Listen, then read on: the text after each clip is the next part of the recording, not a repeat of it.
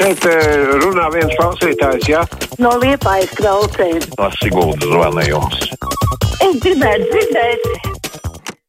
Man telefona numurs kā parasti 6722, 888, un 672, 559, elektroniski rakstiet krustpunktā, Latvijas raidījā LV. Mājaslapā sūtiet savu sakāmo. Jūs katru dienu zvanāt, es sapratu pēdējā laikā, tā kā laikam uztauzēsim gan kādu brīdi. Skatoties tā, tālāk man ir kas te ir no klausītājiem. Vakar notika ieinteresēto pušu diskusija par policijas akadēmijas nepieciešamību, jo ar RSU nepietiekot.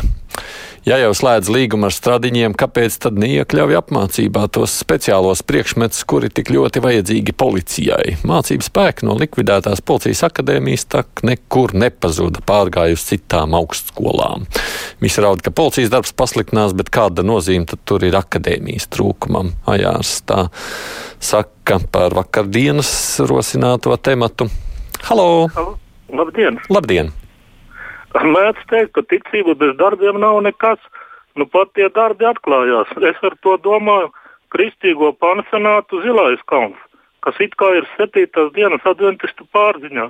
Kas tur īsti notika? Kas tur nepielaida tos ārstus? Vai pansionāta vadība, vai tā ir jūsu konfesijas vadītāja nostāja? Kā tur īsti ir? Vai varētu paskaidrot? Nu, es jau ļoti ceru, ka tur arī kaut kāda skaidrība tālāk varētu vest, nu, cik es zinu personiski. Jā, pansionāts, protams, ir privāts kam nu, tādā ziņā tā saistība ir tikai nosacīta. Protams, ka vadītāji jau pieņem atbildību, bet es domāju, ka mums vajadzētu sagaidīt patiešām gan inspekcijas, gan attiecīgo institūciju slēdzienu. Es domāju, tur mums vajadzētu rezultātus uzzināt. Tas, ka tur ir notikusi drāma un traģēdija, un tas ir ļoti bēdīgi, ka tā, tā tas ir, es jums piekrītu. Tas ir traki. Esmu jau noguris no tā Covid, raksta Jānis. Ieslēdz radio Covid, televīzijā Covid, stāst katru dienu, cik Lietuvā un Latvijā un Igaunijā to Covid. Vai nevarētu ko pozitīvāku pastāstīt, kā piemēram parādnieku kungam soks ar populācijas vairošanu? O, jā, jūs jau varat par savu populāciju pastāstīt, ko nu par citu populācijām interesēties. Es īstenībā man liekas, ka pēdējā laikā kruspunktā diezgan maz par covid runājam lielākoties sanāk arī cita tematika mums skarta. Labdien! Labdien. Vakar es biju spiests pie, pie, pieminēt valsts propagandas mašīnai. Nu, no... Man arī saka, ka jūs pārāk bieži zvanot. Piedodiet, jūs man esat divi tādi satrāpījušies, kas laikam ļoti bieži zvana. Uh, Nu, ko lai es saku, mēģinām ietaupīt to laiku, lai arī citi tiek pie zvanīšanas. Citādāk tā sanāk, ka viena un tie paši zvana tikai. Kā tas nāks, ka nelegālu viesnīcu var reklamēt, bet aizvērt to neviens nevar? Tā raksta mums Roberts par šodienas notikumiem. Jā, nu, vēl viena drāma, kā redzat. Ja man neļauj. Nu, ja jums neļauj, tad droši arī varat nezvanīt. Vai Latvijā ir sākusies vārda brīvības ierobežošanas kampaņa, jo ziņu dienesta Delfi daudzos rakstos ir noliegta lasītāju neautorizētu ziņu vai tēnku komentāriem. Kaut arī skaidrs, ka dotā anonimitāte taču policija ir viegli atšifrējama. Nu, kā tad valsts sistēma baidās vai no saviem vēlētājiem, vai žurnālisti baidās no valsts sankcijām, prasa Brinkmaņa kungs. Bet kas jums liedz autorizēties? Attiecībā uz portāliem Delfi ir skaidrs zināms, ka šobrīd no Delfiem ir jābūt uzmanīgiem, jo viņiem ir Eiropas cilvēktiesību tiesas spriedums, kas viņiem uzliek atbildību par komentāriem. Tāpēc viņiem ir jāsako tam līdzi. Jā, lūdzu. Labdien! Labdien. Man pagājušajā nedēļā stradiņos uztaisīja operāciju, un es vēlējos ļoti lielu paldies pateikt doktoram Ingusam Vilkam un Anitai Bergmanai. Un mani apkalpoja kopumā 8-9 cilvēki, ieskaitot operāciju, un pēc tam māsīņas un sanitāras.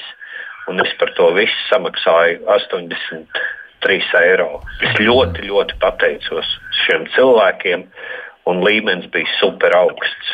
Un, un tas uh, jaunais sākums korpus ir vienkārši super.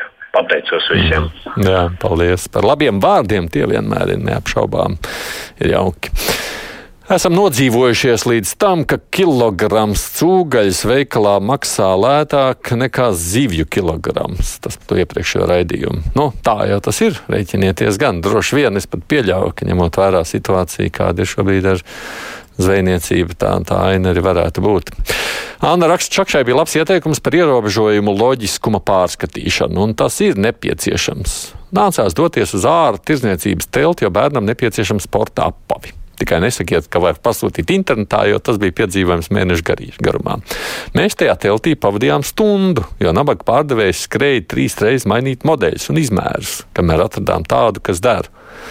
Parasti šādas lietas es iepērku maksimums 15 minūtēs. Ejam veikalā, pasakām summu, par kādu drīkst izvēlēties sīkajam, viņš parāda modeli, uzlaikojam pie kases.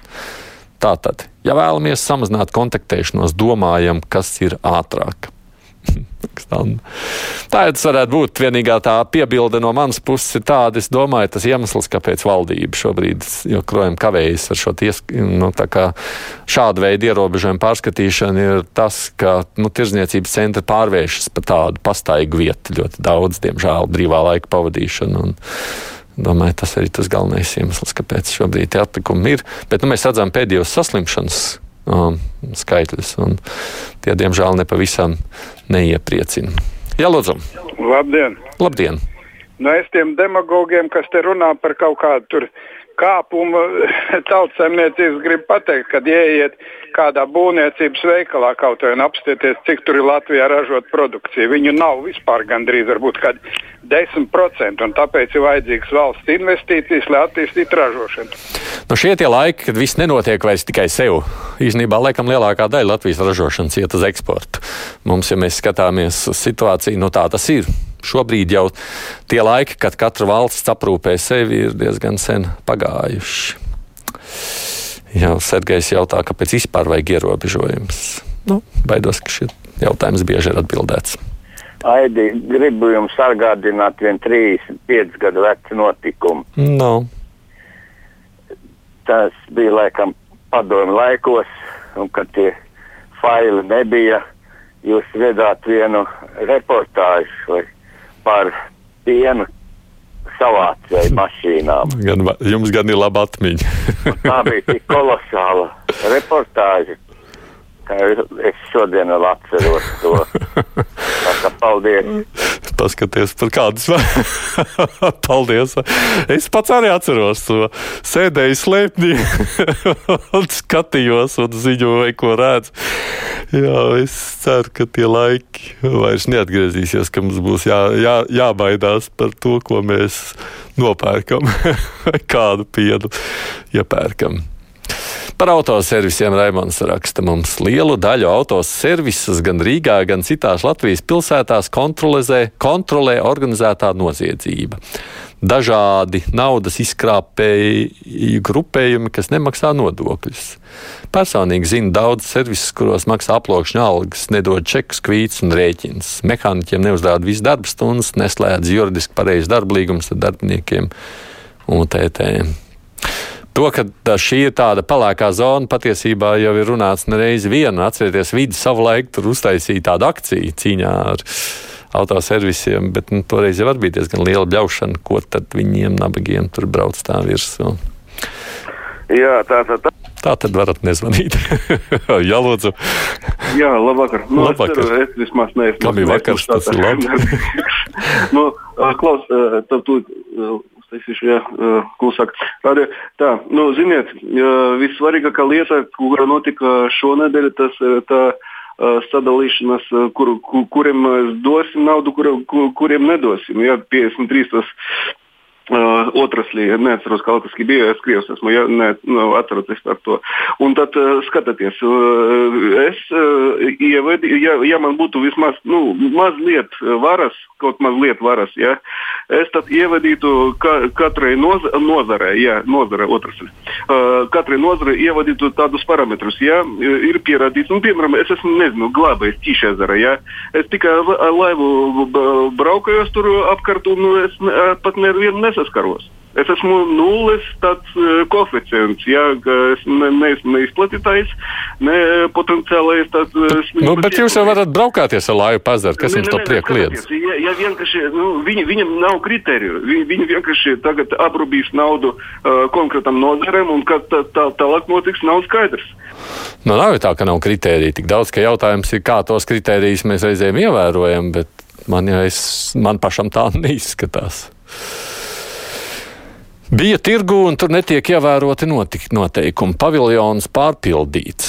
Mazliet iegāja un devos prom, jo ne distance, ne cilvēku skaits neatbilst. Ja tirgus šādi strādā, tad taču var atvērt jebkuru tirzniecības centru, kur tāda drūža nekad neesmu pieredzējusi.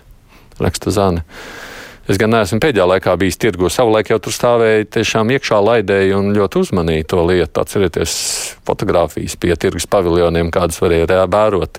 Kāda ir pašreizējā aina, es tiešām nemācījuši komentēt. Jā, lūdzu. Jā.